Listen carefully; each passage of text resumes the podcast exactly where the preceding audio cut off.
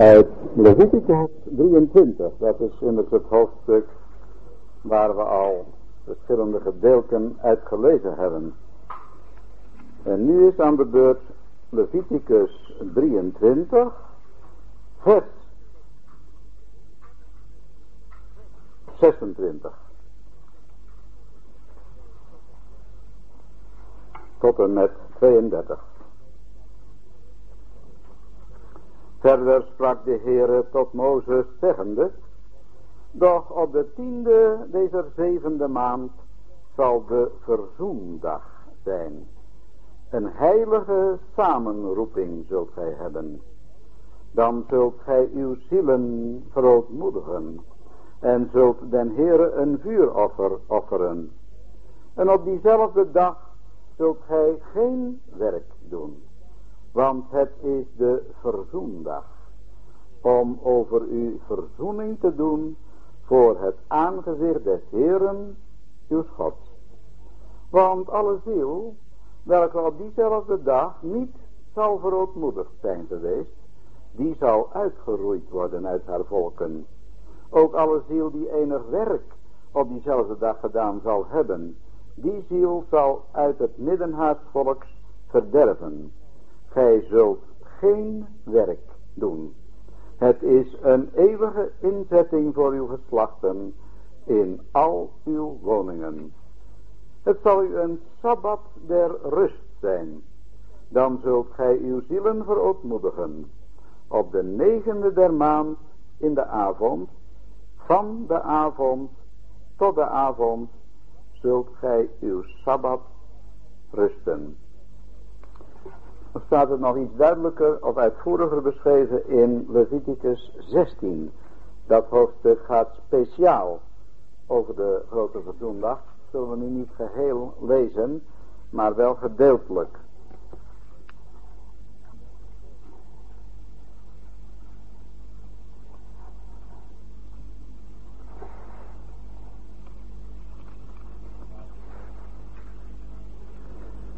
Laten we in Leviticus 16 beginnen bij vers 2. De Heere dan zeide tot Mozes, spreek tot uw broeder Aaron, dat hij niet te allen tijden ga in het heilige binnen de voorhang, voor het verzoendeksel dat op de ark is, opdat hij niet sterven want ik verschijn in een wolk op het verzoendeksel. Hiermede zal Aaron in het heilige gaan met een var, een jong rund, ten zondoffer en een ram ten brandoffer. Hij zal de heilige linnen rok aandoen en een linnen onderbroek zal aan zijn vlees zijn en met een linnen gordel zal hij zich gorden en met een linnen hoed zich bedekken dat zijn heilige klederen. Daarom zal hij zijn vlees met water baden als hij ze zal aandoen. En van de kinderen Israël zal hij nemen twee geitenbokken. Ten zondoffer. En een ram ten brandoffer. Daarna zal Aaron de var des zondoffers die voor hem zijn zal offeren en zal voor zich en voor zijn huis verzoening doen. Hij zal ook de beide bokken nemen en hij zal die stellen voor het aangezicht des Heren aan de deur van de tent des samenkomst. En Aaron zal de loten over die twee bokken werpen. één lot voor den Heren en één lot voor de weggaande bok. Dan zal Aaron de bok op dezelfde het lot voor de Heere gekomen zal zijn, toebrengen en zal hem ten zondoffer maken. Maar de bok op de welke het lot gekomen zal zijn om een weggaande bok te zijn, zal levend voor het aangezicht des Heeren gesteld worden, om door hem verzoening te doen. Opdat men hem als een weggaande bok naar de woestijn uitlaten. Aaron zal dan de var van het zondoffer, die voor hemzelf zijn zal toebrengen, en voor zichzelf en voor zijn huis verzoening doen. En zal de var des zondoffers, die voor hemzelf zijn zal, slachten. Hij zal ook een wierookvat vol vurige kolen nemen van het altaar, van voor het aangezicht des Heren, en zijn handen vol reukwerk van welriekende specerijen klein gestoten, en hij zal het binnen de voorhof, binnen de voorhang dragen. En hij zal dat reukwerk op het vuur leggen voor het aangezicht des Heren, opdat de nevel des reukwerks het verzoendeksel, het welk is op de getuigenis, bedekken. En dat hij niet sterven. En hij zal van het bloed van de var nemen. En zal met zijn vinger op het verzoendeksel oostwaarts springen. En voor het verzoendeksel zal hij zevenmaal met zijn vinger van dat bloed springen. Daarna zal hij de bok des zondoffers, die voor het volk zijn zal, slachten. En zal zijn bloed tot binnen in de voorhang dragen. En zal met zijn bloed doen, gelijk als hij met het bloed van de var gedaan heeft. En zal dat sprengen op het verzoendeksel en voor het verzoendeksel. Zo zal hij voor het heilige, vanwege de onreinigheden der kinderen Israël, en vanwege hun overtredingen, naar al hun zonden verzoening doen. En alzo zal hij doen aan de tent der samenkomst, welke met hen woont in het midden hunner onreinigheden. En geen mens zal in de tent der samenkomst zijn als hij zal ingaan om in het heilige verzoening te doen, totdat hij zal uitkomen. Alzo zal hij verzoening doen voor zichzelf en voor zijn huis en voor de gehele gemeente van Israël. Dan nog vers 20. Als hij nu zal geëindigd hebben van het heilige en de tent der samenkomst en het altaar te verzoenen, zo zal hij de levende bok toebrengen. En Aaron zal zijn beide handen op het hoofd van de levende bok leggen en zal daarop al de ongerechtigheden der kinderen Israëls en al hun overtredingen naar al hun zonden beleiden. En hij zal die op het hoofd des boks leggen en zal hem door de hand eens mans die voorhanden is naar de woestijn uitlaten. Alzo zal die bok op zich al hun ongerechtigheden in een afgezonderd land wegdragen. En hij zal die bok in de woestijn uitlaten. En dan nog vers 27. Maar de var des zondoffers en de bok des zondoffers, welker bloed ingebracht is, om verzoening te doen in het heilige, zal men tot buiten het leger uitvoeren, doch hun vellen, hun vlees en hun mest zullen zij met vuur verbranden. Dan lezen we nog iets uit de brief aan de Hebreeën. Uit het Nieuwe Testament achterin.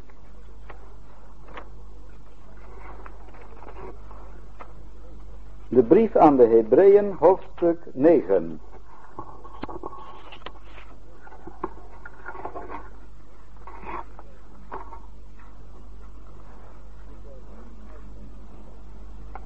Hier krijgen we een uitleg van God over wat we daar straks gelezen hebben. Vers 6. Hebreeën 9 vers 6. Waar deze dingen nu zo ingericht zijn, uh, gaan wel de priesters steeds in de eerste tabernakel om de diensten te volbrengen. Maar in de tweede alleen de hoge priester. Eenmaal in het jaar. Niet zonder bloed. Dat hij offert voor zichzelf en voor de afdwalingen van het volk. Daarmee duidt de Heilige Geest aan dat de weg tot het heiligdom nog niet bekend gemaakt is, zolang de eerste tabernakel nog stand houdt. Deze is een gelijkenis voor de tegenwoordige tijd, waarin zowel gaven als slachtoffers geofferd worden, die hem die de dienst verricht, naar het geweten niet kunnen volmaken, die alleen bestaan in spijzen dranken en verschillende wassingen, inzettingen voor het vlees, tot op de tijd van het herstel opgelegd. Maar Christus, gekomen als hoge priester van de toekomstige goederen, door de grotere en volmaaktere tabernakel, niet met handen gemaakt, dat is niet van deze schepping, ook niet met het bloed van bokken en kalveren, maar met zijn eigen bloed is eens voor altijd ingegaan in het heiligdom en heeft een eeuwige verlossing verworven. Ten slotte vers 24. Want Christus is niet ingegaan in het met handen gemaakte heiligdom, een tegenbeeld van het ware, maar in de hemel zelf, om nu te verschijnen voor het aangezicht van God voor ons. Ook niet opdat hij zichzelf dikwijls zal offeren, zoals de hoge priester elk jaar ingaat in het heiligdom met vreemd bloed. Anders had hij van de grondlegging der wereld af dikwijls moeten lijden. Maar nu is hij eenmaal in de volleinding van de eeuwen geopenbaard om de zonde te niet te doen door de offerande van zichzelf. En zoals het de mensen beschikt is eenmaal te sterven en daarna het oordeel, zo zal ook Christus eenmaal geofferd om de zonden van velen te dragen, de tweede maal zonder zonde verschijnen, tot behoudenis aan hen die hem verwachten.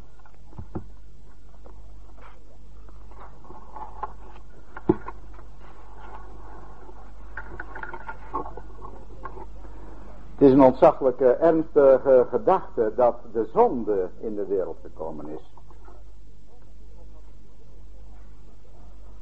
God had het niet moeilijk gemaakt voor Adam en Eva. God had niet veel geboden gegeven. Eigenlijk niet één gebod. Het was niet een gebod, iets wat ze doen moesten. Het kon niet makkelijk, het was alleen iets wat ze niet doen moesten. En dat was alleen niet eten van de vrucht van die boom. Maar we weten wat er gebeurd is. Dat de mens geluisterd heeft naar de influisteringen van de duivel. Er zijn veel mensen die denken, misschien hebt u het ook wel eens gedacht, ik misschien ook wel, als ik Adam geweest was, dan zou ik het wel geweten hebben. Wat voor een ellende is er daardoor in de wereld gekomen? De zonde, maar daardoor ook de dood. De ziekten, alle ellende die er in de wereld is. En als u dat denkt, zo dom zou ik niet geweest zijn, dan bent u ernaast. Want een mens doet altijd precies wat niet mag. Dat begint met kinderen ook al. Als een moeder van huis gaat en zegt, je mag alles doen, maar die ene schaal, daar zit een deksel op en daar mag je niet aan zitten. Dan gaat hij uit, als een moeder weg is, gaat hij uitgerekend kijken wat daarin zit. Een mens heeft de neiging in zich om te zondigen, maar het hoefde niet. Adam had niet hoeven te zondigen.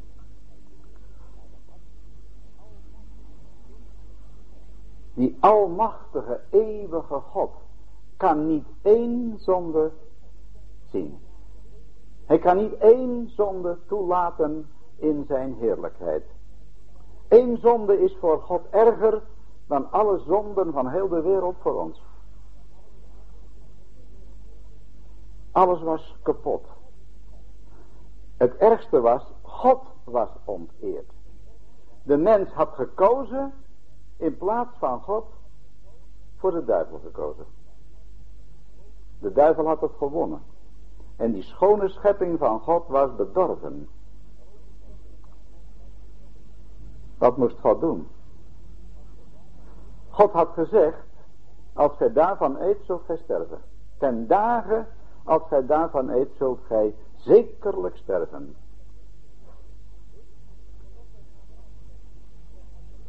En dat was normaal geweest. God had op dezelfde dag Adam en zijn vrouw moeten doden en gelijk in de hel moeten werpen. Dat is het loon van de zonde, is het eeuwig verderf. Maar God heeft een middel gevonden. Op diezelfde dag, toen heeft God gezegd, het zaad der vrouw zal de slang de kop vermozzelen. En de slang zal aan het zaad der vrouw de versenen vermozzelen, de hielen. En dat betekende de nakomelingschap van de vrouw, dat was de Heer Jezus. Die eenmaal uit de hemel, God de Zoon zou op aarde komen. Maar zijn versenen zouden vermozzeld worden. Als je hielen verpletterd worden, dan kun je niet meer lopen. En dan, kun je, dan val je. En dan heb je een verschrikkelijke pijn. En dat is symbolisch aanduiding voor het werk dat de Heer Jezus voor het lijden dat hij op het kruis heeft geleden. Maar daardoor heeft God toen op diezelfde dag de mens niet vernietigd.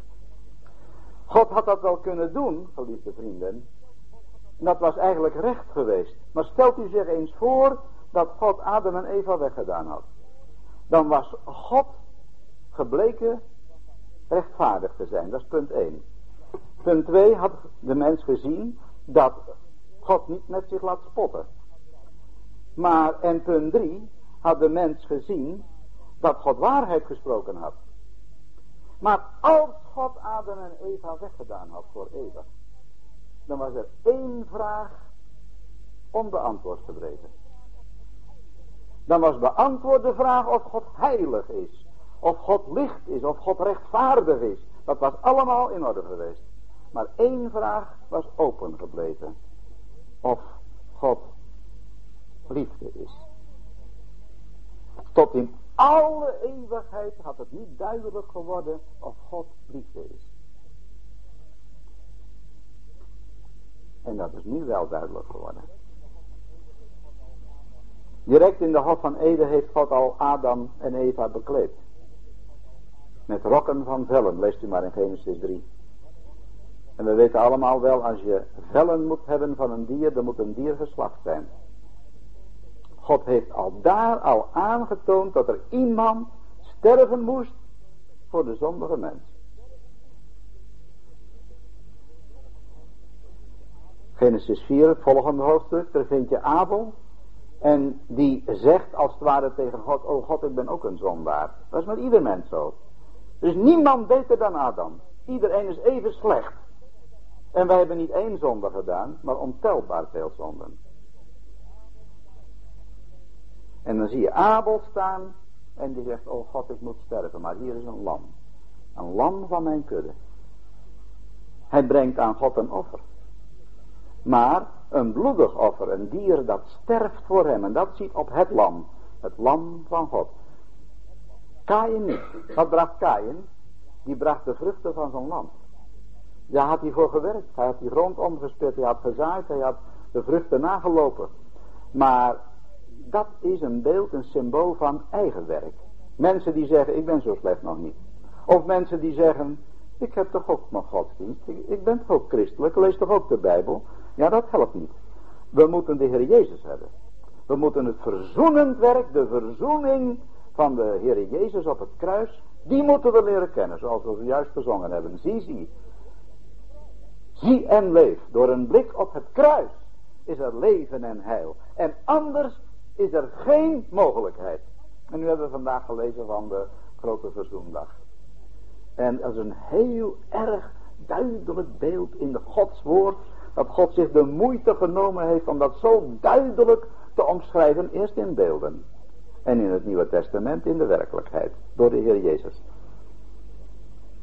Wat het eigenlijk is, verzoening. Wij kunnen ons niet voorstellen wat het geweest is dat God onteerd is. De mens De mens, Adam, het woord Adam betekent mens eigenlijk, heeft God een klap in het aangezicht gegeven. Ik heb wel eens gehoord van een jongen op school, die gaf de meester een klap in zijn gezicht. Ik weet niet, misschien dat er tegenwoordig wel meer voorkomt. Ik weet het niet. Het is tegenwoordig andere tijd als 50 jaar geleden. Maar als zoiets vroeger gebeurde, dan was het net of de wereld onderging. Dat moest in orde gemaakt worden. En dat kon zelfs niet gebeuren doordat die jongen spijt, spijt had. Of dat hij het beleed. Of dat hij een bepaalde boete kreeg of zoiets. Of straf. Daar was het niet mee goed te maken. Maar als zoiets verschrikkelijks gebeurde. Dat de meester door het slijk gehaald was. Dat de meester beledigd was. In het aangezicht geslagen. Dan moest de hoofdonderwijzer. Of de rector of wie er ook was. Die moest komen. En die moest publiekelijk uitspreken voor allen, misschien wel voor heel de school die aanwezig was. Deze meester, deze onderwijzer, die had gelijk. Die was goed. En die jongen, dat is een vleugel. Dan moest dat openlijk voor, zo zal God het voor het heelal willen hebben, dat hij verheerlijkt is. Dat hij rechtvaardig is. Dat hij geen verkeerde dingen, geen verkeerde wetten gemaakt had. En kijk, dat heeft de Heer Jezus gedaan op het kruis. Kijk, dat is het geheim van het kruis van de Heer Jezus. Dat hij gekomen is op aarde. En nog geef ik u als het ware de gedachte in uw mond, maar die is verkeerd. Om te sterven voor zondaars. Maar dat is niet in de eerste plaats. De Heer Jezus is in de eerste plaats op aarde gekomen. En naar het kruis gegaan. Lees het maar in Psalm 40. Waar we lezen dat hij profetisch zegt. Zie, o God, ik kom om uw wil te doen. Om de wil van God te doen. De mens had de wil van God niet gedaan. Maar de Heer Jezus komt om God te verheerlijken. We hebben daar straks ook gelezen van een brandoffer. We kunnen nu vanavond daarover niet spreken, maar ik wil alleen kort noemen. Je had brandoffers en je had zondoffers. Het ging nu vanavond meer om een zondoffer. Maar in Leviticus, als u die hoofdstukken leest, hoofdstuk 1 tot 7, dan ziet u alle verschillende offeranden die er waren. En dat begint met het brandoffer. Het brandoffer in Leviticus 1, dat is de Heer Jezus, die op het kruis in de gloed van het vuur verteerd wordt, uit gehoorzaamheid en uit liefde voor zijn vader. Denkt u maar aan Isaac, die op het altaar gelegd werd. Dat was om zijn vader te eren, uit gehoorzaamheid aan zijn vader. De Heer Jezus is op aarde gekomen en hij heeft voor het heelal gezegd, zo is God. God is liefde. Hij geeft zijn zoon, God is rechtvaardig, want ik moet in de dood. Zijn eigen zoon moet sterven in het graf. De rechtvaardigheid van een toornende, heilige God en tevens de liefde. De Heer Jezus heeft op het kruis alles wat God is geopenbaard. Zijn genade, zijn barmhartigheid, zijn ontferming ook zijn heiligheid, ook zijn toren. Alles wat God is, is verheerlijk, groot gemaakt, geprezen toen de Heer Jezus hing aan het kruis. En daar op het kruis, in die drie uren van duisternis, niet in die voorafgaande uren, alleen toen hij van God verlaten werd, toen heeft hij het eeuwige oordeel gedragen, wat wij tot in alle eeuwigheid verdiend hadden. Maar daar heeft hij God zo groot gemaakt en geprezen en verheerlijkt. Als God nooit voor die tijd groot gemaakt was door niemand. En zoals God tot in alle eeuwigheid niet meer verheerlijkt zal worden. Werk van de Heer Jezus op het kruis. Oneindig groot in majesteit, in glorie en in heerlijkheid. Dat is de Heer Jezus. Dat is de Zoon van God. Die mens geworden was. En het werk volbracht heeft. Voor God de Vader en voor zondaars. Nog hebben we gelezen in Leviticus 23. Daar staat enkele malen deze uitdrukking en dat is zeer merkwaardig. In vers 25 hebben we dat gelezen. Of begint al in vers 24. Op die dag, die grote verzoendag, zult gij een rust hebben. Vers 25. Geen, oh nee, dat begint daarom, begint het met vers 27. Uh, vers 27, gij zult een heilige samenroeping hebben, gij zult uw zielen verootmoedigen, en dan komt vers 28. Gij zult geen werk doen. Vers 29. Wie werken zal op die dag, zal uitgeroeid worden. Vers, vers 30. Ook alle ziel die enig werk zal gedaan hebben, zal verderven. Vers 31. Gij zult geen werk doen. Vers 32. Het zal u sabbat der rust zijn. Nergens in de Bijbel staat dat zo dicht bij elkaar. Geen werk doen, op straffen des doods en rusten.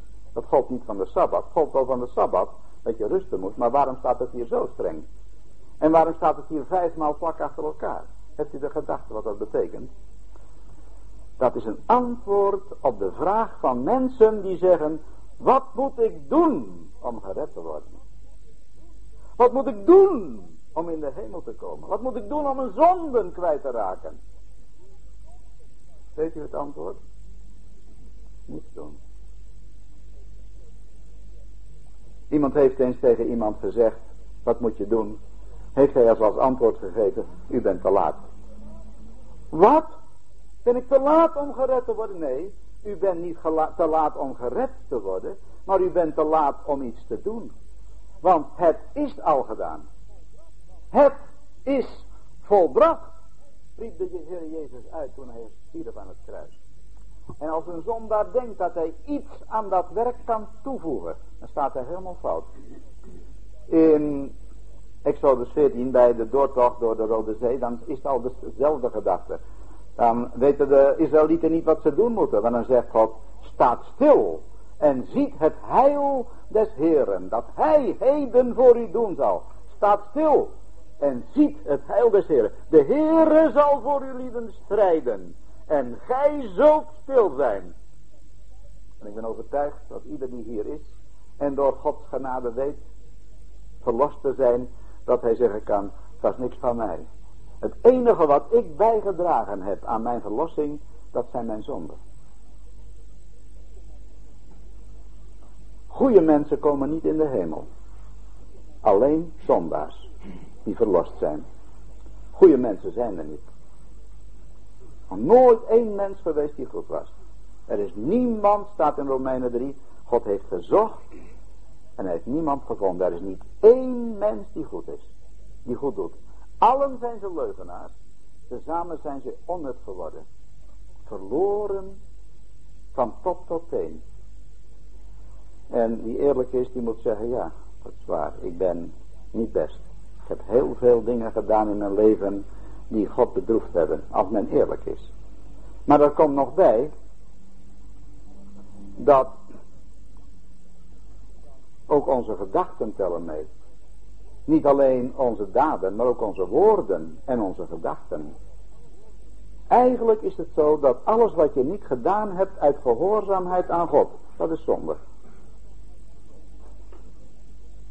De zonde staat er in 1 Johannes 4 vers 3 is de wetteloosheid. Dat betekent niet rekening houden met de wil van God.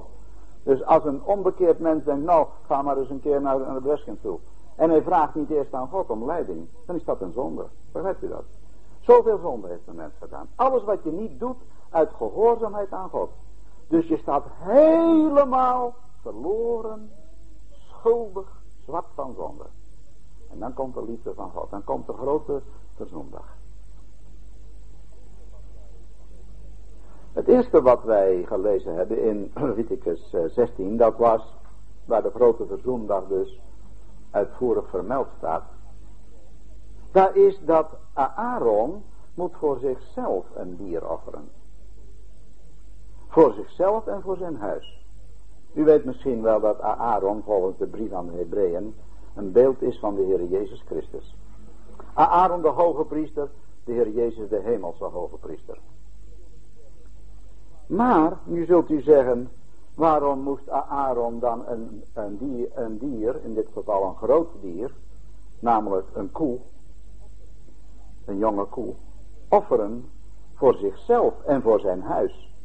Ja, dan moet u niet vergeten, in het Oude Testament is soms een contrast. Bijvoorbeeld, Aaron moest zichzelf ook reinigen, zich wassen hebben we gelezen. Aaron is een beeld van de Heer Jezus. Maar dat betekent niet dat Aaron moest zich reinigen en hij moest een offerdier brengen voor zichzelf. En dat betekent het contrast bij, bij Aaron is het zo, maar dat betekent bij de Heer Jezus was het onnodig. Dat blijkt uit het Nieuwe Testament. De Heer Jezus was de reine, de heilige, de zondeloze. Van hem staat, hij heeft de zonde niet gedaan. Bij hem staat, hij heeft de zonde niet gekend zelfs. Dat is de Heer Jezus. Aaron is een zwak mens. Maar wat wel waar is, het geldt ook voor deze tijd. Aaron moest een offerdier offeren voor zich en voor zijn huis. Dat betekent voor zijn huisgezin. Ik denk dat de meesten van ons wel weten dat er in Hebreeën 3 staat aan het begin. Aaron zijn huis, wiens, met Christus zijn huis, wiens huis wij zijn. Dat betekent, Aaron had een huisgezin, het huis van Aaron. Zo spreekt men ook wel eens, ik en mijn huis. Maar dat betekent dan, ik en mijn huisgenoten. En de huisgenoten van Aaron, dat waren zijn zonen. Maar de huisgenoten van Christus, dat zijn de kinderen van God. Dus, Aaron moest een offer brengen voor zich en voor zijn huis. Dat zijn symbolisch gezien voor de Heer Jezus en zijn huis. Maar ik heb u al aangetoond, voor Christus zelf niet, omdat hij de heilige en de reine, reine is. Maar het huis van Christus, dat zijn de gelovigen die in deze tijd leven.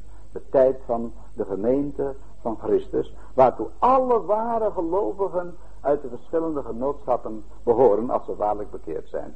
Dat is het huis. Dus de heer Aaron bracht eerst een groot offer, een koe, een jonge vark, voor zich en zijn huis. Dat is het eerste. En dan komen die twee bokken, dat zullen we dadelijk nog even bekijken. Dat zijn prachtige lessen die God ons daardoor geeft. Want die, dat offer van Aaron voor hem en zijn huis, dat stond voorop. Daar moest hij mee beginnen. Dat was het voornaamste. Wat betekent dat? Dat betekent alleen, eerst wordt de Heer Jezus gezien als degene die aan het kruis gestorven is. Voor wie? Voor alle mensen? Dat is wel waar. Maar eerst voor de gemeente. Lezen we ook in Efeze 5. Daar lezen we, Christus heeft zichzelf overgegeven voor de gemeente. En dat is de gedachte.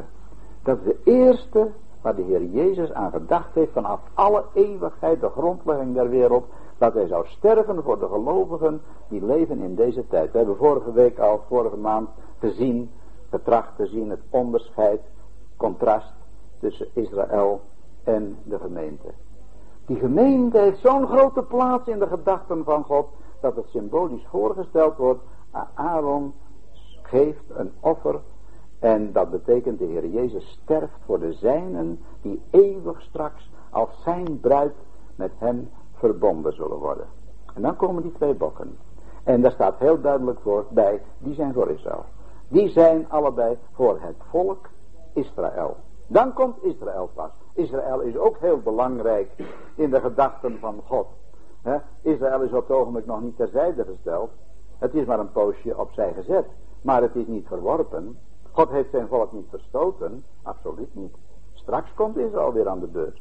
En dat kun je ook in die grote verzoendag van Leviticus 16 vinden. Mag ik u heel in het kort daar iets over zeggen over die twee bokken. Een bok is een kleiner offerdier dan een koe. Dus de belangrijkheid, heb ik u juist gezegd, van Christus en de gemeente, dat steekt boven alles uit. Maar Israël neemt ook een grote plaats in, in de gedachten van God. En twee bokken. Waarom? De ene moest sterven en zijn bloed moest gedragen worden in het heiligdom door de hoge priester. De andere moest levend blijven en als de hoge priester uit het heiligdom kwam en hij had het bloed gesprenkeld op het verzoendeksel, dan legde hij zijn handen op de kop van die levende bok en dan beleed hij op die kop van dat dier de zonden van het volk Israël. En dat gold voor een heel jaar. Als hij de zonden van het, en de onreinigheden van het volk Israël beleden had op die kop van die levende bok, dan werd die levende bok door een man uitgelaten in de woestijn. Heel ver. In een ver land. Zodat hij nooit meer terug kon komen. En dat was een symbool hiervan. Dat de zonden van het volk waren weggedragen. Dat je ze nooit meer terug zou zien. Nou geldt dat dus voor het volk Israël in de eerste plaats. Maar het heeft ook een betekenis voor ons. Wij kunnen daar ook iets uit leren wat verzoening is. Die eerste bok, het was zelfs zo dat de loten moesten geworpen worden. God moest nog bestemmen welke bok de ene en welke de andere zou zijn. Bij de verzoening gaat alles uit van God. Tot in de kleinste onderdelen. Maar die ene bok stelt voor de Heer Jezus die stierf, die ging in de dood. En de andere stelt voor dat hij de zonden heeft weggedragen in een land van eeuwige vergetelheid. Die twee bokken stellen samen het werk van de Heer Jezus voor. Het kon niet in één dier in dit geval voorgesteld worden. Omdat er bij Israël een tussenperiode in zit. Dat is de tijd van de verwerping.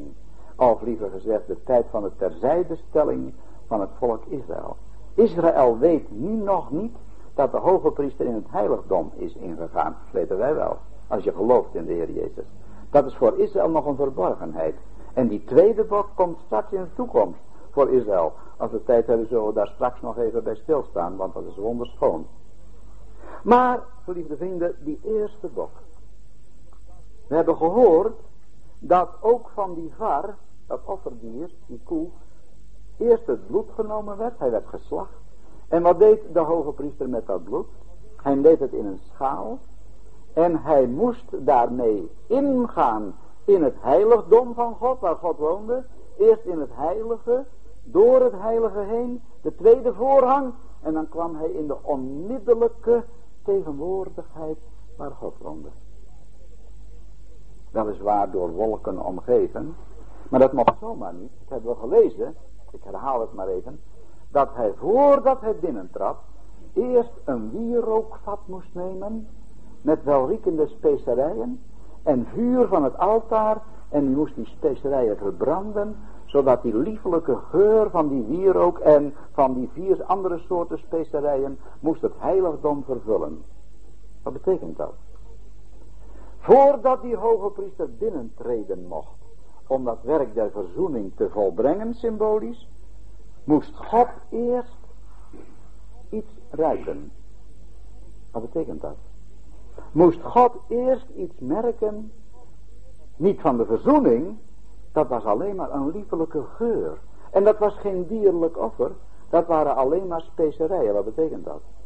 Dat betekent iets ook van de liefelijke schoonheid en de liefelijke aangename welriekende reuk van de persoon van de Heer Jezus. God kon alleen als hij op Christus zag en op zijn liefelijkheid en op zijn heerlijkheid, dan kon hij die hoge priester toestaan om met dat bloed binnen te gaan in het heiligdom. Wij denken misschien altijd, ja maar het werk dat de Heer Jezus volbracht heeft aan het kruis, dat is toch de hoofdzaak. Is wel waar, maar hij zelf, zijn eigen heerlijkheid. Ook al zou hij nooit gestorven zijn, begrijp je dat? Ook al zou de Heer Jezus nooit het werk aan het kruis volbracht hebben dan zou je nog vol van innerlijke heerlijkheden en schoonheden zijn. Zoals hij vroeger vanaf alle eeuwigheid bij de Vader was, in de schoot van de Vader. De onuitsprekelijke vreugde van de Vader. Wees u maar in, uh, in Spreuken 8. Een troetelkind was hij als het ware voor de Vader. Elke dag de vermakingen, de vreugde van de Vader. En dat zijn die specerijen. Begrijpt u? Die specerijen die daar verbranden, dat was, kom maar binnen, want mijn zoon, die is alles voor mij. Die liefelijke heerlijkheid van zijn zoon. En nu gaan we spreken, nu kunt u binnenkomen om dat bloed te brengen. En dat was zo wonderlijk ontroerend. We weten wel, als iemand binnen zou dringen in dat heiligdom, zou hij plotseling dood neervallen. Maar eenmaal in het jaar. Niemand. Geen Israëliet. Geen leviet, geen priester zelfs. Alleen de hoge priester. Aaron. Eenmaal per jaar. En dan was het weer voor een jaar in orde. Ja, dat is natuurlijk maar een gedachte. In het Oude Testament was dat wel waar. Maar dat zag alles vooruit op Christus. Kon niet elke dag. Maar dat betekende de verzoening toen voor een jaar. Maar nu hebben we gelezen in Hebreeën. Tot in alle eeuwigheid Volbracht. Werk van de Heer Jezus. Wat deed die hoge priester met dat boek? Het bewijs dat het offer geslacht was. Zo komt Aaron binnen, door de voorhang heen, en daar stond die heilige ark, weet je wel, die kist. Gouden kist. Het gouden verzoendeksel met die twee engelen, die twee gerubs erop, gouden engelen. En wat deden die engelen? Die knielden, maar dat niet alleen. Ze keken, beide samen, keken ze zo op dat gouden deksel, wat op die kist lag. In die kist lag de ark, in die kist lag de wet. Daar lagen de tien geboden. En die tien geboden staat in Galaten 3 en 2 Korinthe 3. Daar staat wie onder de wet is, is onder de vloek. En wie in één gebod gestruikeld heeft, die is schuldig aan alle. En die is onder de toorn van God. Daar lag de heilige wet van God. En die had de Heer Jezus in zijn hart. Staat in Psalm 40 ook. Uw wet, o God, is in het midden mijns ingewand. Want die ark was ook een beeld van de Heer Jezus. Maar die wet, die tien geboden, die getuigden tegen het volk. We lezen in de psalmen gerechtigheid en gericht zijn de vastigheden van uw troon, o God. Dat was die wet. Heiligheid, gerechtigheid, oordeel. Eigenlijk moest God, dat hele volk dat daar rondom die tabernakel woonde, moest God vernietigen, want ze waren allemaal zondaars. Dus die troon was een troon des gerichts. Troon van oordeel. En God moest eigenlijk het oordeel uitspreken, zoals ook bij Adam, zoals we gezien hebben. Maar waarom deed God het niet? Omdat er een verzoendeksel was. Dat was het verzoendeksel. Dan kwam die priester binnen. Hij liep om, dat, om die kist heen, om die ark. En dan moest hij sprenkelen in oostwaartse richting. Dat is een symbolische gedachte, vinden we heel dikwijls in het Oude Testament. In het oosten is de zondaar. Adam en Eva gingen uit de hof van Eden naar het oosten. Kain ging later vluchten voor God naar het oosten. Enzovoort vindt u heel geregeld in Genesis. In het oosten, daar is de zondaar. Maar daar is ook de deur van de tabernakel, het huis van God. En de priester moest het bloed sprenkelen oostwaarts. Sprenkelen oostwaarts. Dat betekent naar die zondaar toe. Mensen, kom maar hier, hier is het bloed. Hier is een offerdier. Dat is geslacht. En God is bevredigd. En kijk, dat is nou de grote zondag. Dan kwam die priester, priester en hij sprenkelde, hij doopte zijn vinger in die schaal met bloed en hij sprenkelde op dat verzoendeksel. Weet u hoeveel maal? Hebt u dat wel eens gelezen? Ja, we hebben het daar straks gelezen. Maar het misschien niet zo goed. Ik, ik had dat vroeger ook niet opgemerkt. Er heeft iemand mij ook opmerkzaam opgemaakt. Hij sprenkelde, misschien denkt u wel zevenmaal. Niet waar hoor. Hij sprenkelde eenmaal. Maar er staat vlak achter. En zevenmaal voor het verzoendeksel. Dat betekent op de grond. Daar, daar. Maar het verzoendeksel, hier was het maar op de grond. Voor is ook oostelijk. Het woord voor betekent oostelijker. Kan zo ook zo vertaald worden. Dat is de bedoeling ervan. Zevenmaal op de grond. Dat betekent eenmaal voor God. Dat betekent, als God eenmaal het bloed van de Heer Jezus zag, toen, meer dan 1900 jaar geleden. Dan is God voor alle eeuwigheid klaar. Dan wil ik nog sterker zeggen. Dan kan God alle zondaars, alle miljarden die ooit op aarde geleefd hebben, genade bewijzen. Op grond van dat bloed. Maar zevenmaal voor op het verzoendeksel waar wij staan op de grond. Zevenmaal om de mens te overtuigen. Zeven is het getal der volmaaktheid. Zie je wel, zegt God, kijk maar, zevenmaal het bloed van Christus. Is er nou hier nog iemand die nog niet gelooft in de Heer Jezus? Dat zou wel eens, ja, u hoeft je vinger niet op te steken, dat ga ik niet. Maar is er nog iemand die nog niet begrijpt wat we straks gehoord hebben? Niets doen. Je kunt niets doen om gered te worden. Maar er is hier iemand die zegt, nou, ik ben nog niet gered, maar ik zou wel willen. Mogen we dan deze boodschap die God zelf deze avond uit zijn woord ons geeft, dan met blijdschap aangrijpen. We hebben gelezen, het is een dag van verootmoediging. Staat er ook twee keer in dat stukje, in Leviticus 23. Gij zult uw zielen verootmoedigen. Dat betekent je neerbuigen. Niet zeggen, oh God, ik ben zo goed. Dat zei die tollenaar. Oh God, ik dank u dat ik niet ben zoals andere mensen. Ja, die, werd, die ging verloren als die zo gebleven is. Maar die tollenaar, oh God, wees mij zondaar genadig. Op hetzelfde ogenblik waren zijn zonde vergeven. Waardoor had hij zoveel gedaan? Niks. Maar de Heer Jezus heeft het volbracht. Zijn bloed reinigt van alle zonde. Zie, zie. Op het kruis. Zie en leef. Door te zien op het kruis. Door te zien in het geloof naar de Heer Jezus. Ik denk dat er hier wel zijn die vroeger getwijfeld hebben. Ik ook. Dat is wat om die genade van God te aanvaarden. Ik heb vroeger wel eens gedacht, gaat toch zomaar niet. Je kunt toch zomaar niet eens bekeerd zijn en zeker weten dat je... En toen dacht ik, ik zal er een hele tijd over doen. Ik zal erg veel bidden en eindelijk misschien, misschien dat God mij ook nog een keer aanneemt. Maar het is andersom. Het is andersom. Het is niet zo dat God het misschien doet, maar als wij willen komen.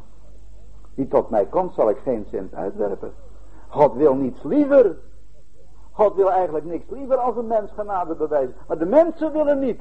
Wilt u? Is er hier iemand die vanavond in zijn hart zegt, ik wil alles loslaten. Ook de zonde.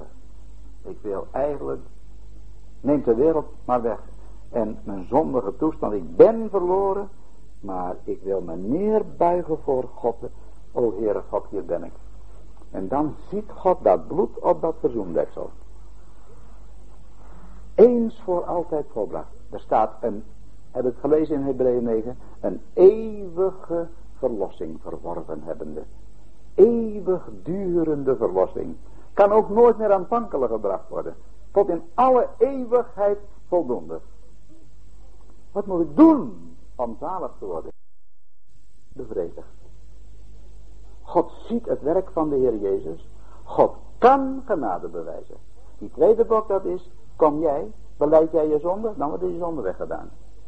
Dat is, dat is onze zaak. Maar dat doet allebei de Heer Jezus. Ik geloof dat dat toch wel erg duidelijk is. Die weggaande bok, dat betekent beleiden. En nu is het eigenaardig, ik heb er daar straks al heen gedoeld een beetje, toen ik zei hoeveel zonden wij al gedaan hebben. Ik heb deze broeder gehoord die zei, ik denk dat ik miljoenen zonden gedaan heb. Niet tien of twintig of honderd, maar als je je gedachten erbij neemt. Ik heb vandaag, dacht ik nog eens eventjes, kan wel wezen, laat me nou maar eerlijk zijn, even, dat je toch in een uur wel eens drie, verschillende, drie verkeerde gedachten hebt. Kan het niet waar wezen of niet? Hoogmoedig, onrein, hebzuchtig. Nou, het kan misschien wel tien in een uur zijn. Dan moet u eens uitrekenen. Als je maar tien uur per dag neemt, dan heb je al honderd per dag. Zonden. Nou spreek ik alleen maar van gedachten. Dus als wij bekeerd worden, toen ik bekeerd werd en u, toen hebt u al uw zonden nooit voor God beleden. Maar in 1 Johannes 1 vers 9, daar staat, indien wij onze zonden beleiden, God is getrouw en rechtvaardig. Dat hij onze zonden vergeeft en ons reinigt van alle ongerechtigheid. Maar we hebben toen we bekeerd werden onze zonden niet allemaal beleden. Misschien hebben we gezegd, oh God help mij. Oh God ik ben verloren. Maar weet u dat de Heer Jezus net gedaan heeft als die hoge priester? Nou komt er iets dat u niet geloven kunt bijna. En die begrijpen nog veel minder. Maar de hoge priester beleed, staat er in Leviticus 16, al de zonden van het volk Israël. En al hun overtredingen. Mag ik u nu zeggen dat de Heer Jezus op het kruis al uw zonden aan God beleden heeft? U zegt dat kan niet. Ja dat kan wel omdat hij God is. Mag ik u nu zeggen dat hij uw zonde beleden heeft die u voor uw bekering gedaan heeft? En ook, bij mij zijn er ontelbaar veel meer namenbekering, na mijn veertiende jaar. En die ik, als God het niet verhoedt, toch nog doen zal op aarde. Die heeft de Heer Jezus geweten en beleden op het kruis. Al hun zonden. Kunt u nou begrijpen wat de Heer Jezus daar gedaan heeft op het kruis? Wat een werk. En dat hij daarvoor God voor gestraft is. Wonderbare heiland. We zingen het wel eens. Welk een heiland bent u Heer. In het zondaars hart daalt rusten neer. Hij was God, hij wist onze zonden, ook die we nog doen zouden, van al die mensen die nog geboren moesten worden. En hij heeft alles voor God beleden, maar alleen voor degenen die in hem geloven. En ik wil hiermee eindigen, helaas moeten we weer beginnen met de pauze. Dat We lezen in 1 Timotheus 2, vers 4 en 5. Daar lezen wij, God is een heiland die wil dat alle mensen zalig worden en tot kennis der waarheid komen. Want er is één God en één middelaar tussen God en mensen, de mens Christus Jezus. En dan komt eigenlijk vers 6, daar gaat het om. Die zichzelf gegeven heeft tot een losprijs voor allen. Bij mij staat er een noot bij dat woordje voor. En dan staat erbij, zie de noot bij Matthäus 20, vers 28. En dat hoort erbij.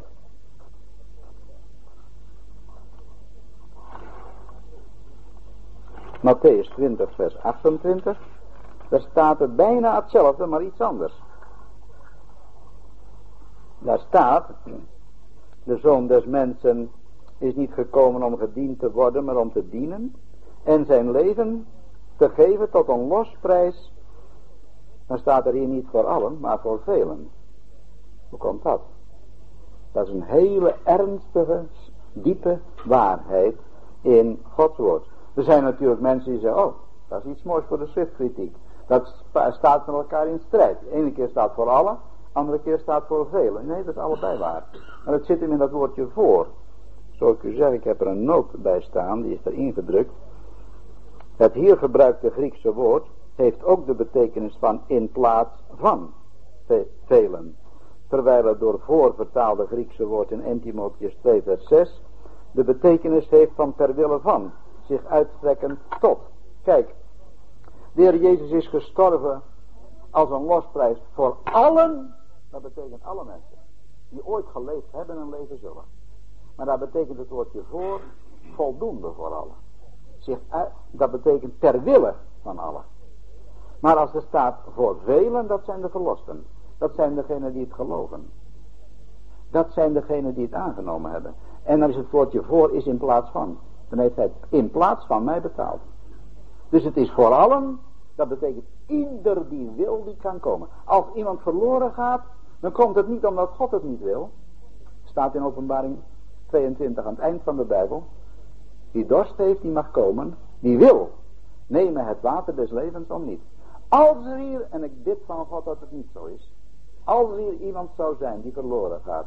Dan zult u straks moeten erkennen. Ik heb het toen nog heel goed gehoord. In Terneuzen daar. In die kerk. Bellamy kerk. Heel goed. Het was ook voor mij. Het was voor allen. Maar ik heb niet gewild. En dan ga je verloren. Maar je zult eerst zeggen, God het is niet uw schuld. Ieder zal eerst God de eer moeten geven. Heer Jezus, Zoon van God, u bent de Heer. U bent gestorven. Maar ik wilde niet. Weg, eeuwig weg.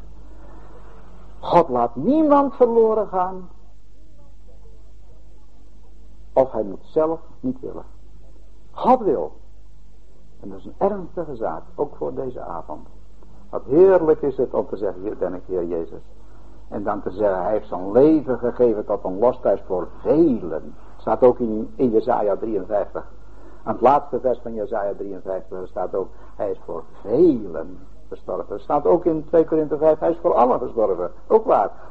hij is ten behoeve van allen gestorven. Maar in plaats van velen. Goed het verschil? En dan moet ik natuurlijk alleen nog hiermee eindigen dan voordat we nog gaan pauzeren. Dat laatste van die tweede bok, die weggaande bok. Dat zal pas voor Israël gebeuren, voor het volk Israël als volk, bij de komst van de Heer Jezus. Bij de wederkomst. Niet als hij de zijne komt halen. Als hij de gemeente komt halen. Dat gebeurt eerst. En later komt de verschijning. En wat lezen we dan in openbaring 7, 1 vers 7? Dan lezen we. Ziet hij komt met de wolken. En alle oog zal hem zien. Ook zij die hem doorstoken hebben. En alle stammen des lands van Israël zullen over hem weeklagen. Amen. Ja.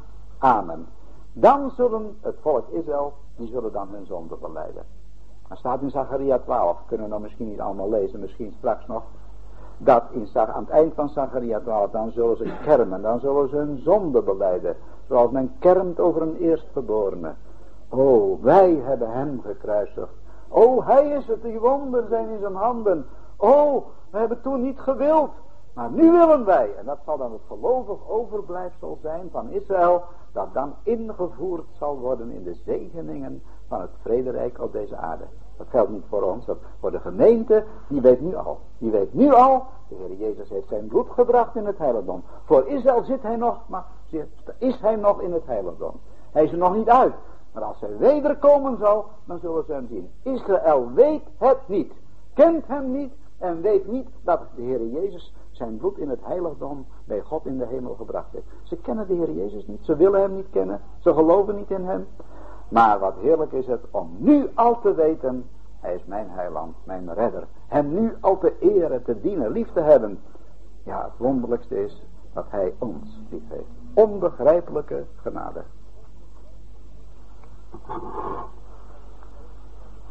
Opmerking heeft, of een tegenwerping, of een aanvulling, of een vraag, dat is altijd hartelijk welkom zou haast zeggen, hoe meer hoe beter. Want als je een vraag hebt, dan soms zit een ander met dezelfde. Dat heb ik wel eens opgemerkt.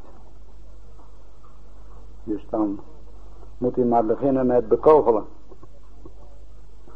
Ik heb hier wel een paar dingen. Onder andere, wat waren de vier specerijen? Hebben die een symbolische betekenis van die liefelijke reuk? Nou, ze worden genoemd in Exodus 30. En daar staat dan de namen van die specerijen.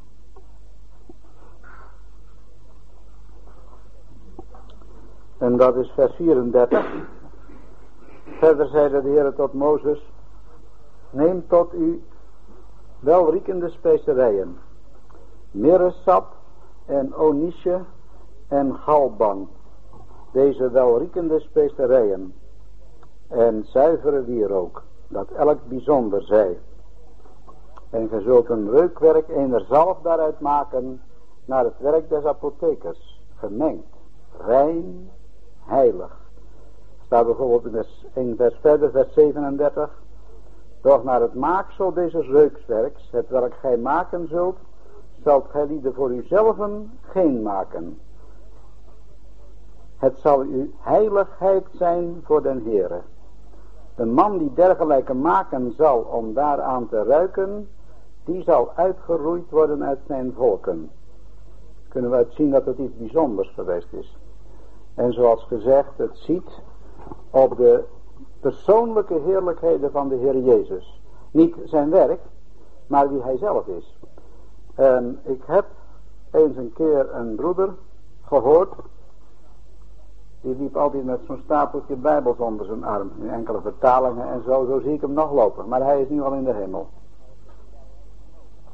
Nou heeft hij die bijbel niet meer nodig. Nou weet hij het.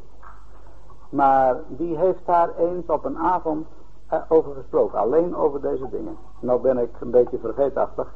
Dus ik kan dat niet meer helemaal weergeven. Tot mijn spijt. Ik heb wel aantekeningen bij mezelf in de auto denk ik, waar wel iets misschien erover staat, maar laat ik alleen maar iets, twee dingen ervan noemen. Um, namelijk mirresap. Um, we weten misschien allemaal wel dat mirre een plant is en uit een plant komt, een uitvloeisel uit een bepaalde plant. In dit geval mirre sap en dat dat opdrogen kan. Maar dat het woord mirre betekent mara, of bitter. Hetzelfde. Hetzelfde van dezelfde stam afgeleid.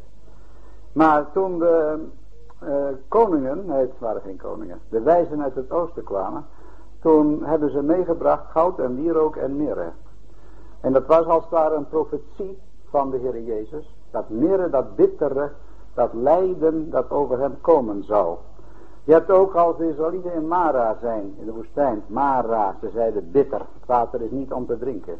Maar in verbinding met de persoon van de Heer Jezus bedoelt mirre het lijden dat hij moest ondergaan en de genade die met dat lijden verbonden was. Als je door heel de Bijbel heen gaat, wat mirre betekent, dan verklaart de Bijbel zichzelf. Mirre ziet op het lijden maar in genade voor mensen. um, zuivere wierook. Bekend dat dat wit was. Wit, dat is um, ook de grondbetekenis van het woord. En dat is een beeld van zijn reinheid. Zijn onbevlekte schoonheid die nooit gezondigd had en niet zondigen kon. Die andere twee zou ik op het ogenblik uit mijn hoofd niet kunnen zeggen. Het ziet ook op heerlijkheden, bijvoorbeeld zijn koningschap, ik noem maar iets, maar het ziet als je het eh, onderzoekt, ook de stam van de oorspronkelijke woorden, dan kun je eruit komen. Ik heb ook een stuk ervan gelezen. Als u er op prijs op stelt, kunt u het krijgen, kunt u een afdruk van krijgen. Het is een broeder, broeder Reumerman, die heeft in een tijdschrift daarover over deze vier dingen uitvoerig geschreven. Um, dan is er nog een vraag. En dat is een praktische vraag, wil ik toch eventjes hier doorgeven. Over het feit, en het komt voor, en wie zal dat niet meegemaakt hebben in zijn leven, dat hij het wel weer eens kwijt was. Ik wil het graag toch vermelden, omdat ook als je tot bekering gekomen bent en je verlost bent, dan zijn er natuurlijk mensen die twijfelen nooit. En dat hoort eigenlijk. Twijfel is eigenlijk verkeerd. Maar die zal, als hij op zichzelf ziet, soms niet aan het twijfelen komen. Maar dat moeten we nooit doen. We hebben het daarnet gehoord. Zie, zie, zie en leef. Door een blik op het kruis is er leven en heil. Dat is een beeld van die uh, slangen in de woestijn in de tijd. Die het volk hadden gebeten, omdat ze gemurmureerd hadden. En toen zei God tot Mozes, maak u een koperen slang. Nummer 21. En dat wordt aangehaald in Johannes 3, vers 14 en 15. En dan zegt de Heer Jezus, die koperen slang in de woestijn. Dan moesten die mensen die gebeten waren door de slangen, moesten kijken naar die slang. En als ze dan keken in het geloof, maar er staat gewoon kijken. En voor ons betekent dat in het geloof zien op de Heer Jezus. Als zij keken, dan waren ze op hetzelfde ogenblik beter. Ja, dan kun je zeggen, dat kan toch niet?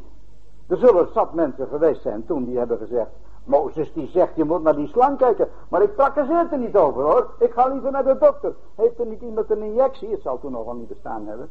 Of heeft niet iemand geneeskrachtige kruiden? Eh, eh, dat doe ik niet. Nee, maar God had gezegd, wie ziet op de slang wordt genezen. En het was het enige geneesmiddel. En zo is het voor ons ook. Alleen zien op de Heer Jezus. Ziende op Jezus. In het geloof zien op hem. En als je, dan denk je aan hem. En dan val je zelf weg. En dan vallen de buren weg. En dan vallen de broeders en zusters weg. En mensen die je misschien wel eens iets kwaads aangedaan hebt. Of wat ook. Alles valt weg. Maar je ziet op de Heer Jezus. En dan zie je in zijn ogen zijn liefde.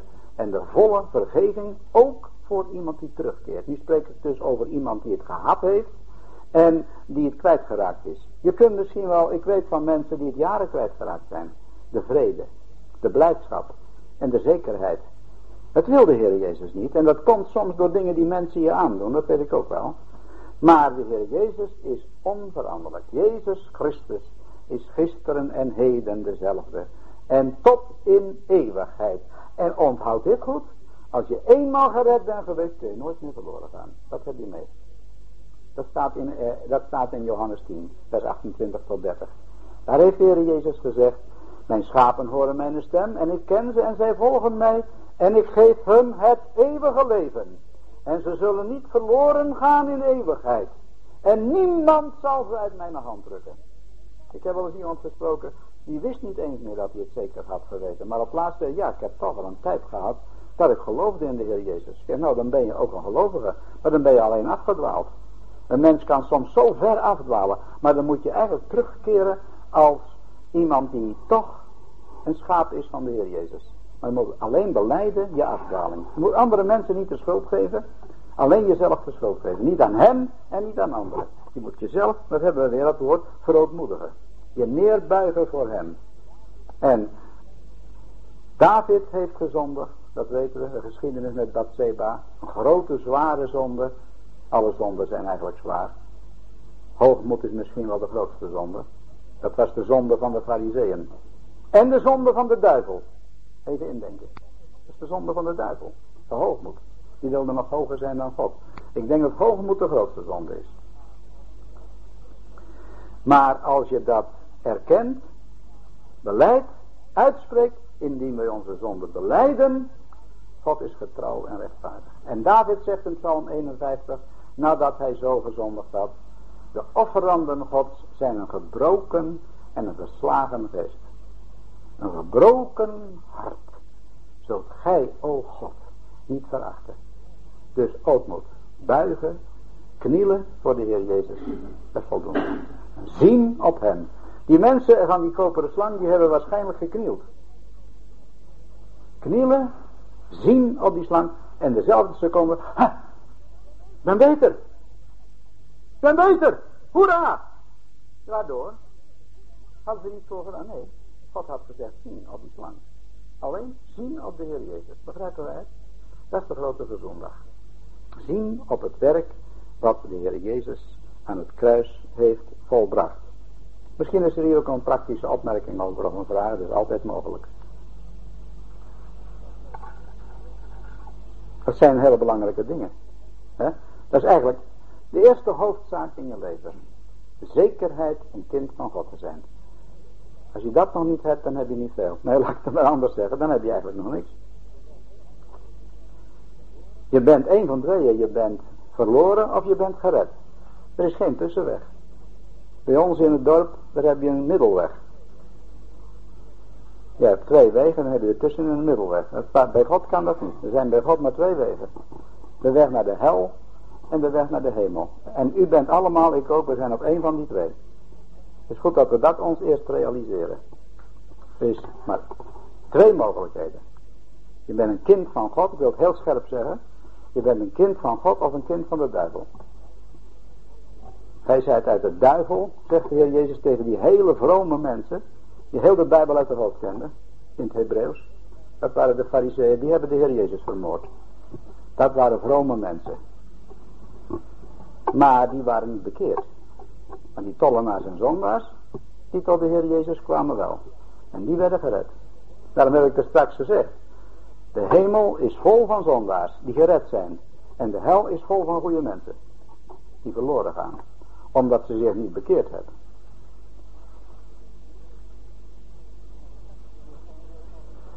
is er nog een praktische, oh nee, nog een belangrijke vraag gedaan. En dat is naar aanleiding van wat we gelezen hebben, dat het offerdier dat geslacht was, moest gebracht worden buiten de legerplaats. En dat is iets dat speciaal belangrijk is voor gelovigen. We hebben dat gelezen in Leviticus 16.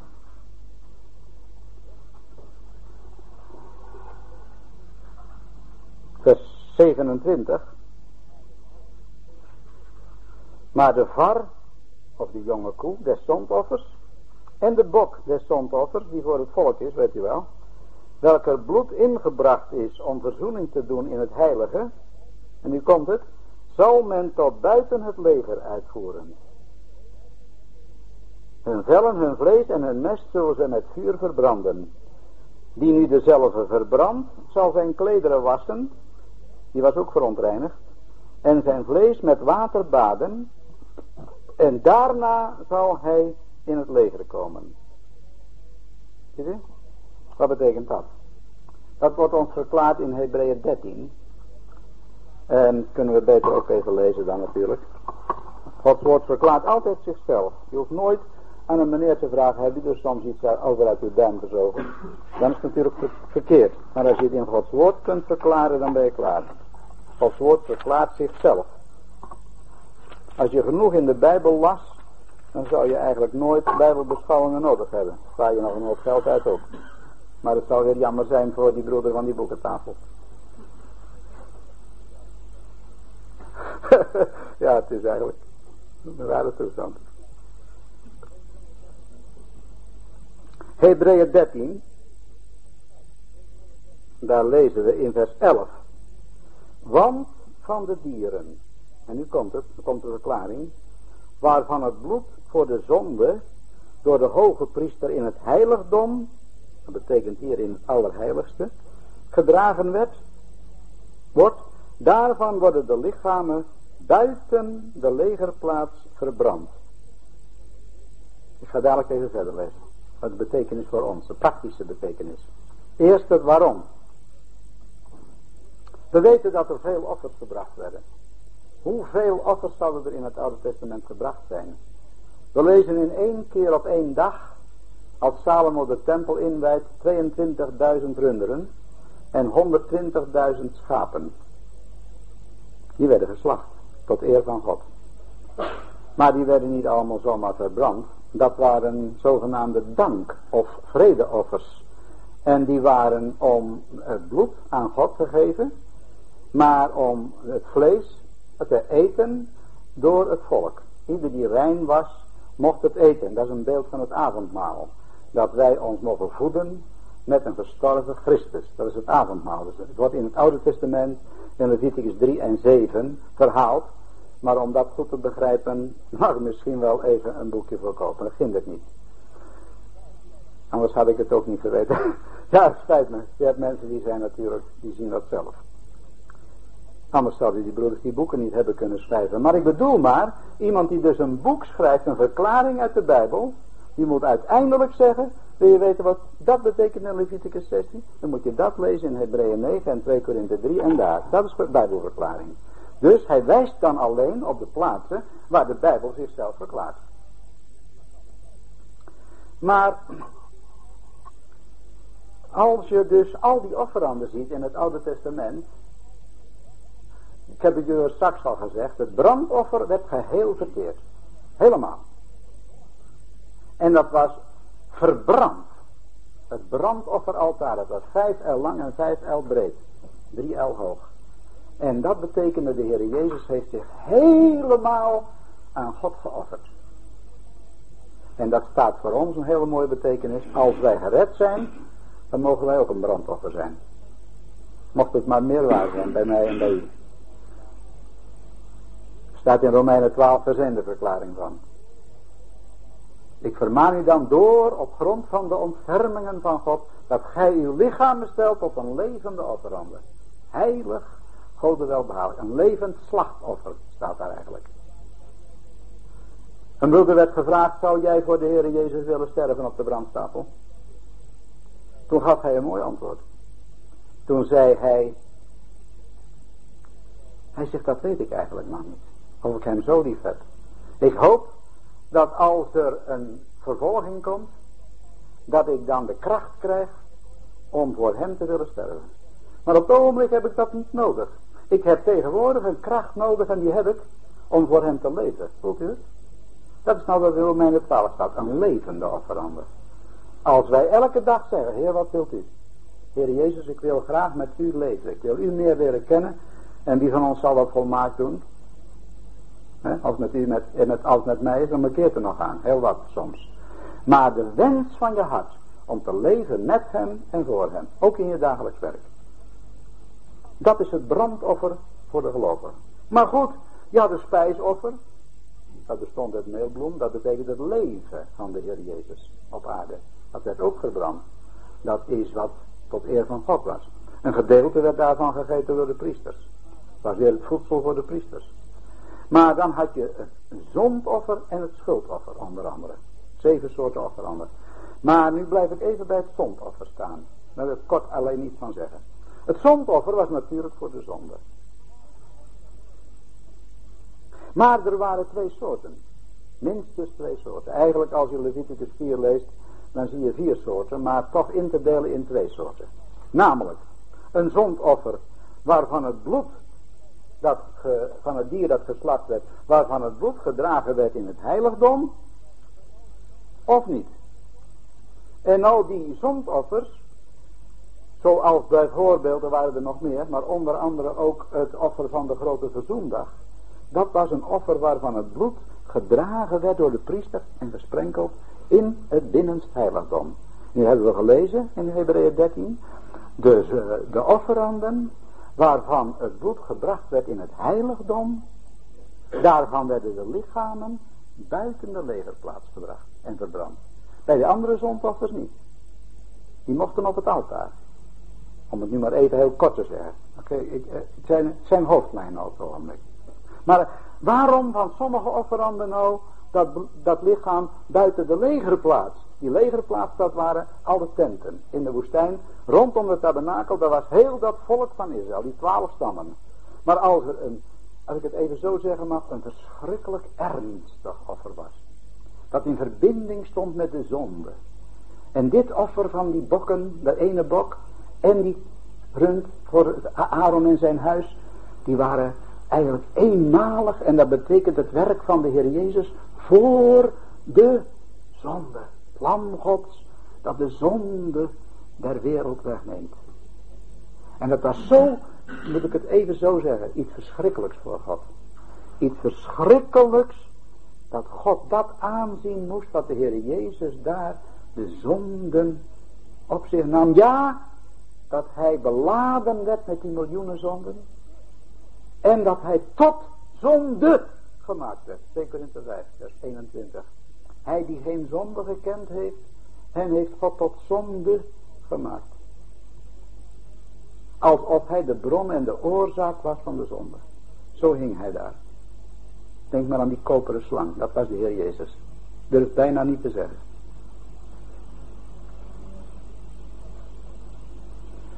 Toen hing hij daar zo. En dat kon God niet zien. Dan moest hij buiten, dan moest hij, die koe die moest buiten de legerplaats verbrand worden. Want die legerplaats, dat was later het volk, uh, de stad Jeruzalem. En hij is buiten, dat weet je toch wel, dat de Heer Jezus buiten Jeruzalem gekruisigd is. Dat is het. Hij is buiten de legerplaats, buiten die heilige stad is hij gekruisigd. Omdat het zo verschrikkelijk was. Dat hij de zondedrager was. En daar gaat het hier nu over. Nu kunnen we verder lezen. Lezen vers 11 nog even. Want van de dieren waarvan het bloed voor de zonde door de hoge priester in het heiligdom gedragen wordt. Daarvan worden de lichamen buiten de legerplaats verbrand. Wat betekent dat? Nou krijgen we de betekenis in vers 12. Daarom heeft ook Jezus, opdat hij door zijn eigen bloed het volk zou heiligen, buiten de poort geleden. Buiten dat godsdienstige Jeruzalem, dat een systeem geworden was. Buiten dat godsdienstige Jeruzalem, dat vijandig stond inmiddels tegenover God. Buiten de poort. Nu komt voor ons de toepassing in vers 13. Laten wij daarom tot hem uitgaan, buiten de leverplaats. En zijn smaad dragende. Dat is de praktische les omdat de Heer Jezus buiten de legerplaats, buiten Jeruzalem, gestorven is, daarom moeten wij ook uitgaan buiten de legerplaats. Kijk, er zijn wel eens gelovigen die vragen aan mij, waar moet je nou eigenlijk zondags eigenlijk heen? Dan zeg ik wel eens, leest u Hebreeën 13 maar. Buiten de legerplaats. Buiten de legerplaats, de legerplaats was in de tijd van de Heer Jezus een systeem wat mensen gemaakt hadden, waar God niet eens meer woonde. Want de voorhang was gescheurd inmiddels. De voorhang was gescheurd. En dat betekende, God woont daar niet meer. Maar nu op het ogenblik is er ook een legerplaats. In de wereld. Dat is een godsdienst zonder Christus. En daar moet je niet aan meedoen. Sprak deze dagen een zuster. En die zei, nou dan ben ik toch bang als ik al die ongelovige theologen zie, waar ik op het ogenblik mede lidmaat van ben, en die bijbelcritici, dan ben ik toch bang dat ik eruit moet. Buiten de legerplaats. Toen zei ik tegen haar, nou je nog niet bang voor te zijn, want ze zei, ik geniet er nog zover. Ik zei, nou moet u wel blijven. Als u het niet ziet dat het de wil van de Heer is, dan moet u er niet uitgaan.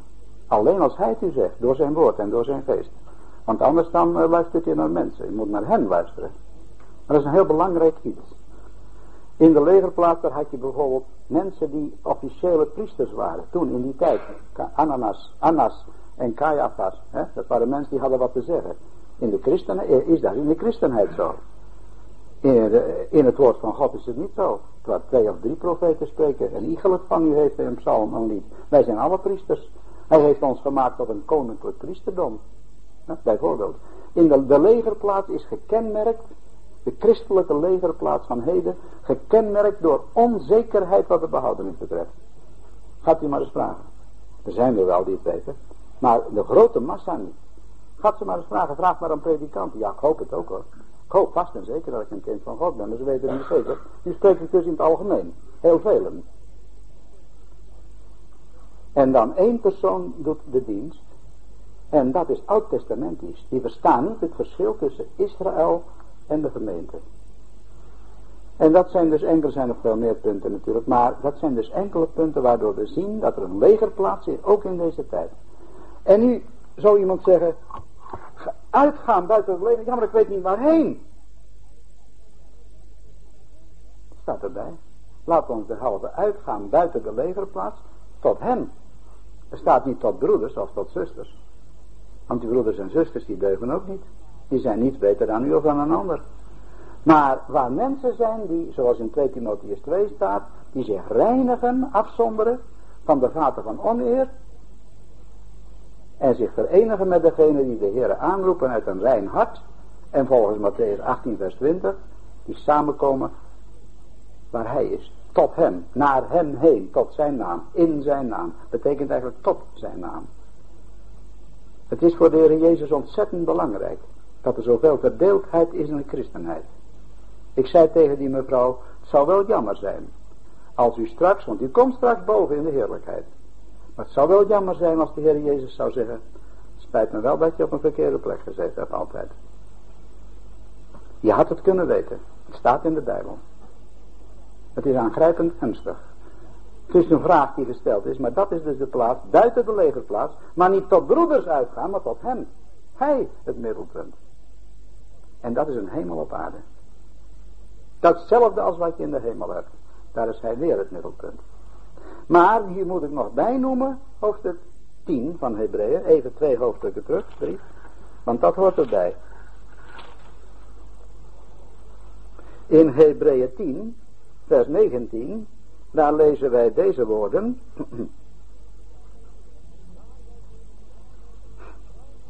Daar wij dus, broeders, vrijmoedigheid hebben om in te gaan in het heiligdom door het bloed van Jezus.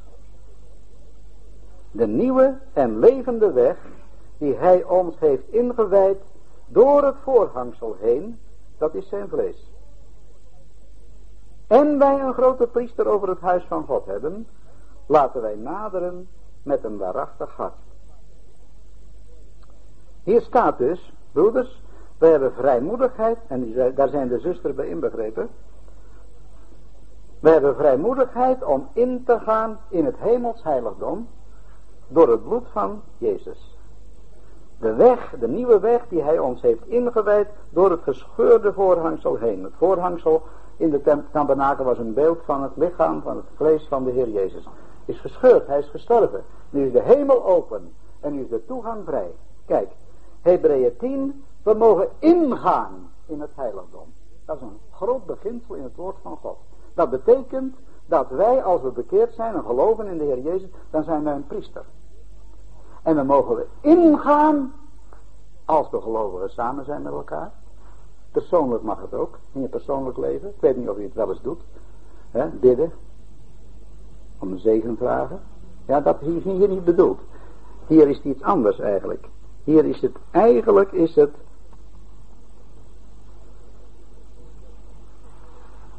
Zoals we in Hebreeën 13 ook aan het einde verder lezen nog. Vers 13, vers 15.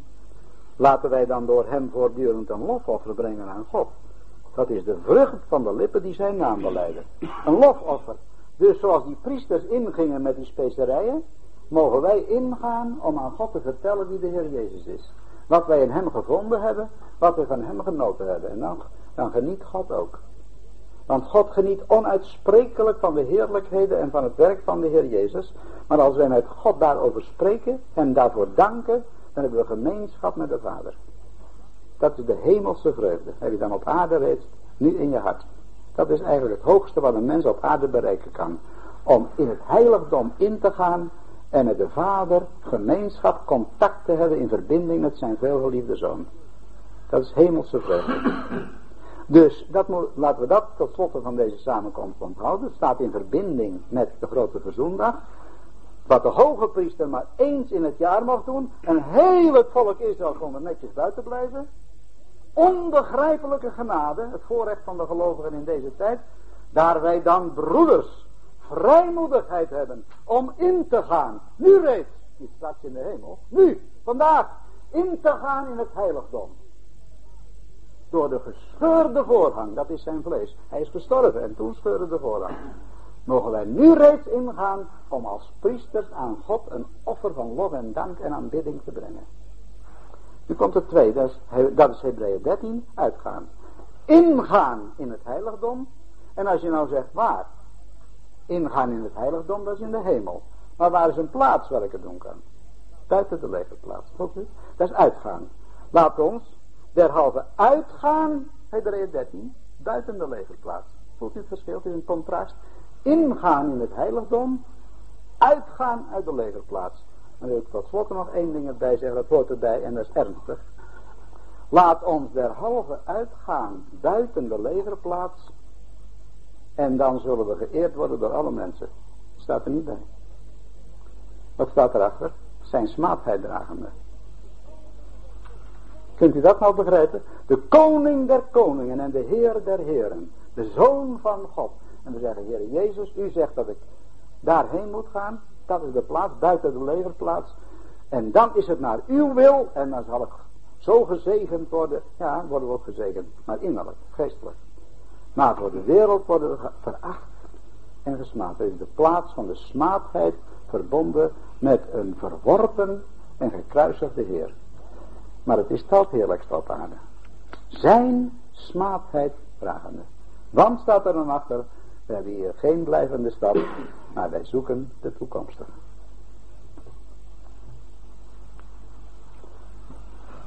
Mag ik nog een Ja. Hoe komt het dat het voor ons zo moeilijk is om geheel van onszelf af te zien en heel en al te vertrouwen op het heil dat we in Christus hebben en daaruit in vruchten te leven. Misschien een praktische vraag. Ja. Nou, ik denk dat u het antwoord net zo goed weet als ik. Eerlijk gezegd. Ja, maar ik ook wel af Nou ja, ik denk dat je ook wel verschillende antwoorden kunt geven. Ik wil als één antwoord geven, uh, te weinig vertrouwen op de Heer Jezus. Maar ik zou het ook zo kunnen zeggen, hoogmoed. Misschien vindt u dat een beetje een vreemd antwoord. Maar als je dus aan jezelf denkt. Ik ben zus, ik heb dat gedaan. Nou, ik ben nog niet zo goed en ik ben nog niet volmaakt. Dan heb ik al vier keer het woordje ik gebruikt. Maar als ik nou zou zeggen, Heer Jezus, u bent zo heilig, u bent zo rein, u hebt het werk volbracht, u bent zo'n grote verlosser. Dan heb ik al vier keer, vier keer u gezegd en dat maakt je gelukkig. Dus het is zien op jezelf. En bezig zijn met jezelf is geen nederigheid. Dat is het eigen ik in het middelpunt stellen. Maar de Heer Jezus in het middelpunt stellen, dat verheerlijkt Hem en maakt ons gelukkig. Dank u.